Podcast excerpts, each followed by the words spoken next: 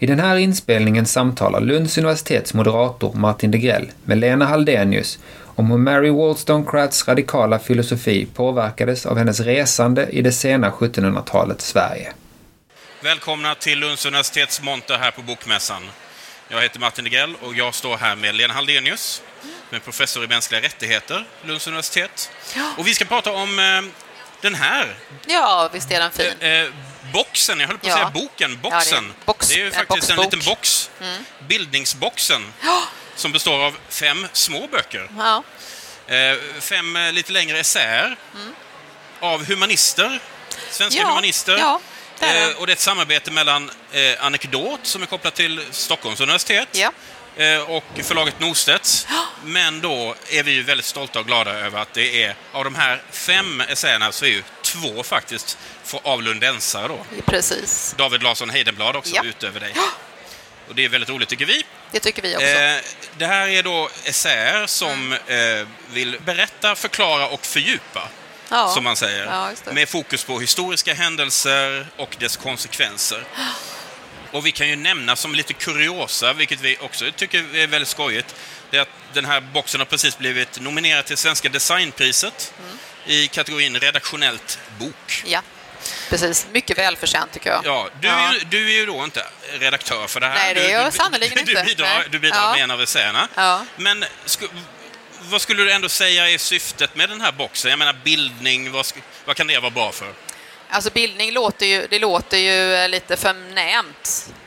Eh, Men jag tänker att vad, vad jag vet att redak- redaktörerna bakom detta vill, dels så vill man liksom, vad ska man säga, minska avståndet mellan eh, att skriva vetenskapligt och att skriva för en, allm, för en läsande allmänhet, så att säga. Att, forsk, att vi forskare är ju också författare och att uppmuntra det. Att när man skriver eh, om sin forskning eller rapporterar sin forskning, att man också i det betraktar sig själv som en författare och inte bara som en rapportör av resultat. Liksom. Eh, och sen också det här att, att den heter Bildningsboxen.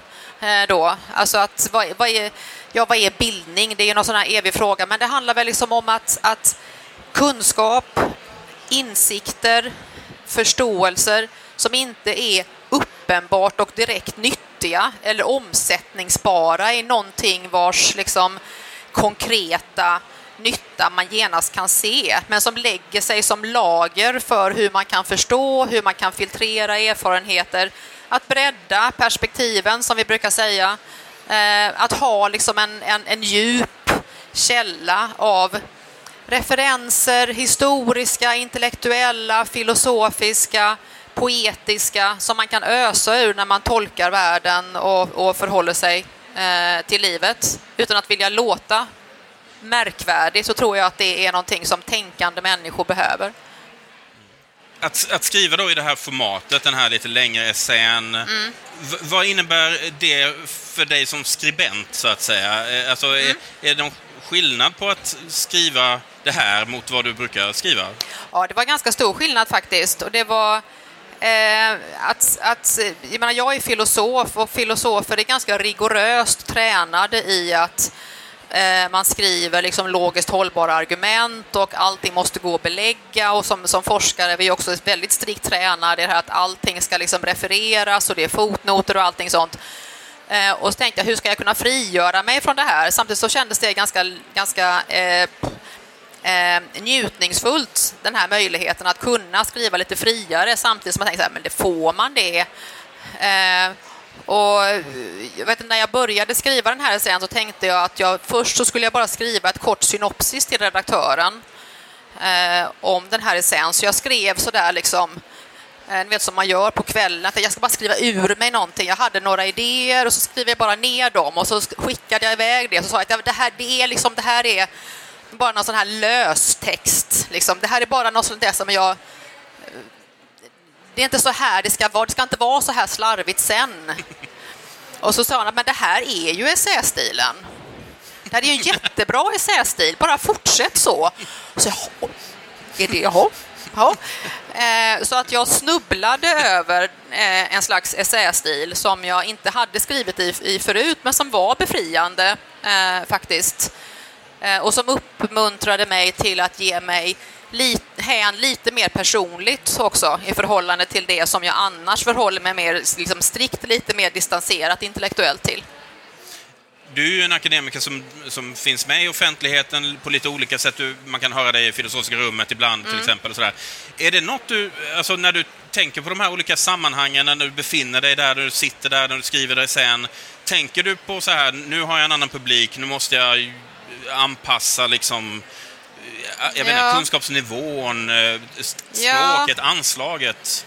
Ja, jo, men det får man ju göra lite grann. För det är klart- klart att om jag, om jag skriver en artikel som vänder sig till, en an, till, andra, eh, till andra filosofer som har en mer, mer liksom uppenbart inomakademisk publik, då finns det ju vissa saker som jag kan förutsätta. Jag kan till exempel också förutsätta att de redan är intresserade. Det kan man ju inte annars eh, förutsätta.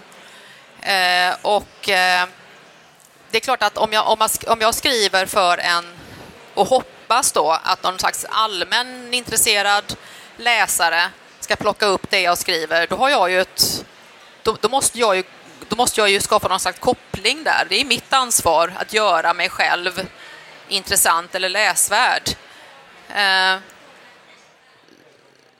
men jag tycker samtidigt inte att det är, det, det, det är liksom inga vattentäta skott alls däremellan. Eh, för att jag tycker att eh, även när jag skriver inom akademiskt, vad det, vad det nu är, så tycker jag ändå att jag också har ett ansvar att göra mig själv Ja, men göra, alltså att, att, att det jag skriver ska ändå vara litteratur, liksom. även om jag skriver i en akademisk, eh, i en akademisk tidskrift. Om vi kommer in på din essä då. Ja. Eh, om Mary Wollstonecraft Ja. och revolutionen. Ja. Du har ju skrivit om Mary Wollstonecraft i många olika sammanhang. Ja, det har jag gjort. Eh, här skriver de bland annat om hennes tankar om revolution, Mm. kanske särskilt då den franska som hon befann sig liksom nära Ja. Mm. eh, tidsmässigt, geografiskt också. Ja. Kan, kan du berätta något om eh, Mary Wollstonecrafts relation till den franska revolutionen? Var Ja. befann hon sig liksom, när den hände? Vad, vad kände hon? Ja, alltså Mary Wollstonecraft då, för de av er som eh, kanske inte, eh, om det är någon här som inte vet det, hon var en, alltså en, en eh, författare och filosof slutet på 1700-talet. Hon är idag mest känd för att vara en, en, vad ska man säga, en pionjär inom feministiskt tänkande. Hon är mest känd för sin bok Till försvar för kvinnans rättigheter som kom 1792 som är en sån här, liksom den första boken som man ska läsa om man ska bekanta sig med det feministiska tänkandets idéhistoria. Och eh, eh, hon eh, började skriva, hon bestämde sig för att hon skulle bli författare i slutet på 1780-talet och skrev först eh, i, i såna här kvinnligt, kvinnliga genrer, alltså sådana genrer som kvinnliga författare fick skriva inom. Så hon skrev en roman och hon skrev en bok om utbildning för flickor. Eh, och sen kom den franska revolutionen och i och med den franska revolutionen så blev hon en politisk författare. Hennes förläggare var en centralfigur i radikala fritänkande kretsar i London och hon umgicks med andra radikala eh, fritänkare under den, här, eh, under den här tiden. Richard Price, Thomas Paine och sådana. Eh, och den franska revolutionen blev en intellektuell händelse, naturligtvis också en politisk händelse på liv och död, men det är också en av de intressanta sakerna eh, under den här tiden. För radikala politiska tänkare, hur den franska revolutionen visade på att filosofi handlar om livet på riktigt. Och att de här filosofiska principerna om vad frihet är, om vad jämlikhet kräver, på något sätt iscensattes liksom i, i revolutionen.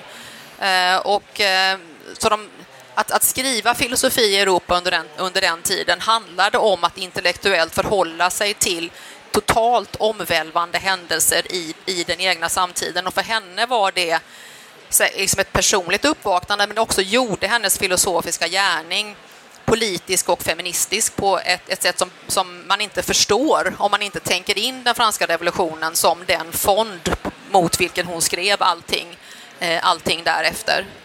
Eh, och, eh, hon hade också en, en, ett förhållningssätt till filosofin som jag försöker skildra i den här essän som är lite speciellt i detta att man tänker sig ofta här att filosofera, det innebär att förhålla sig lite distanserat.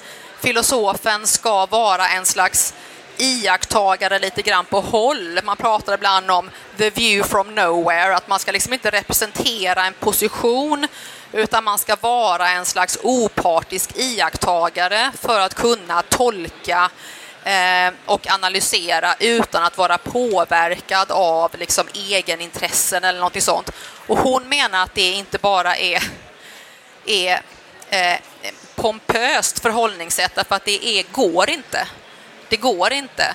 Så att hon säger att filosofens uppgift är att inta en position, att inta de förtrycktas position, de medellösas position, de förslavade, de fattigas position.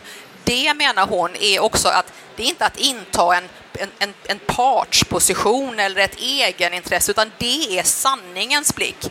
För den sanna blicken på världen ser du bara om du inte har några privilegier att bevaka.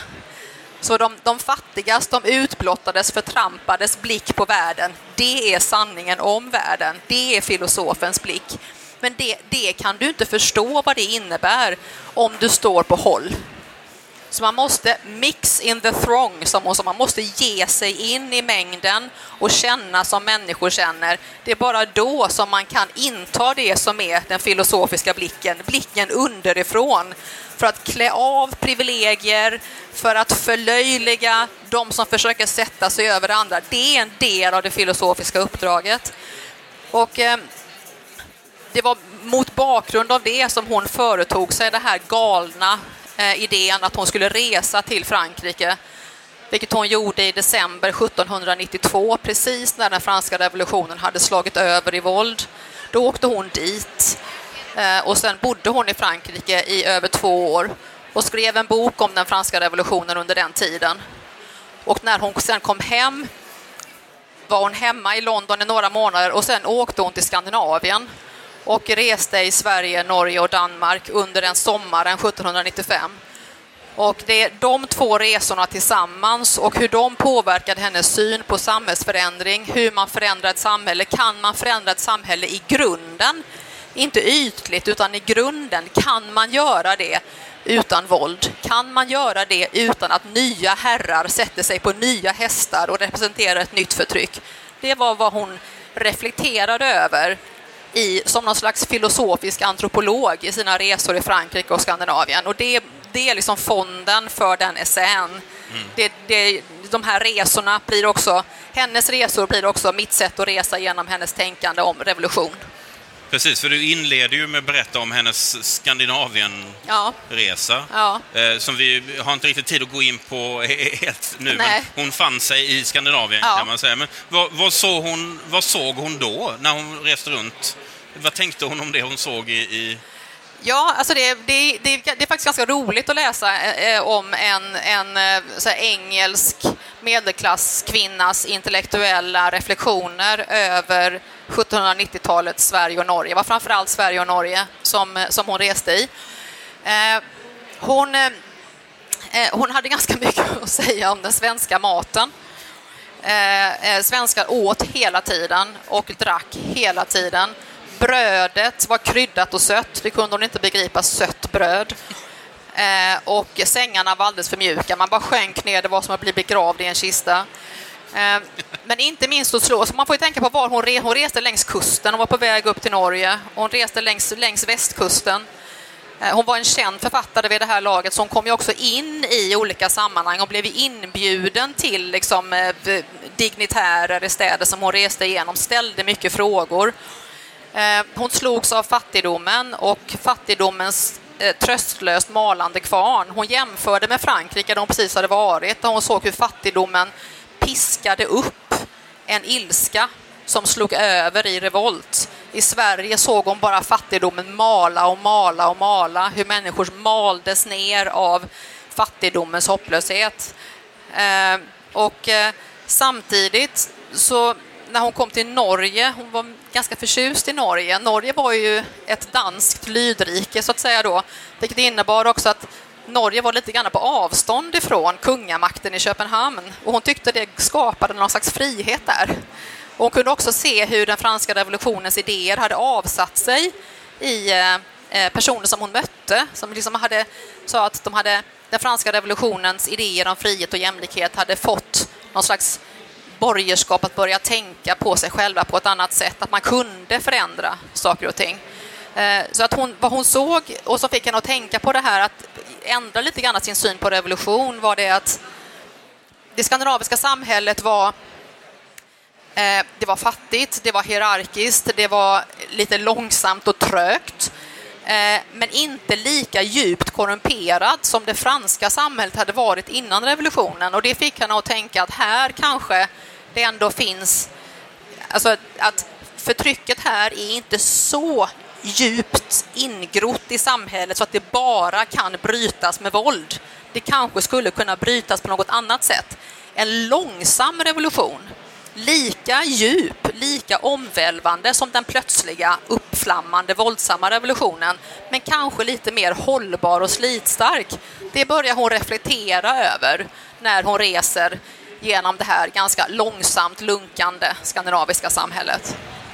Avslutningsvis, mm som sagt, du har skrivit och intresserat dig för Mary Wollstonecraft eh, mycket. Ja. Ehm, du, jag antar att du inte du är inte färdig med henne. Man blir inte färdig Nej. med henne på det sättet. Har, har du, vad vill du utforska mer kring henne och hennes tankar? Eh, jo, jag, skulle, jag, jag, jag fick lite eh, blodad tand när jag skrev den här eh, essän och var just fördjupa mig i synen på samhällsförändring och hur samhällen kan förändras. Eh, hur svårt det är. Eh, och, eh, så det tänker jag nog skriva någonting mer om nu. Det kanske kommer en bok till mm. som är en, eh, kanske också lite mer i den här essästilen än det jag har skrivit tidigare, men lite längre, med lite mer fokus på hur, eh, vad filosofen kan säga eh, utifrån en, ett visst synsätt underifrån på, eh, på hur samhällsförändring kan gå till. Och den här essän finns alltså i bildningsboxen. Lena, ja. tack så mycket för att du kom hit. Tack så mycket.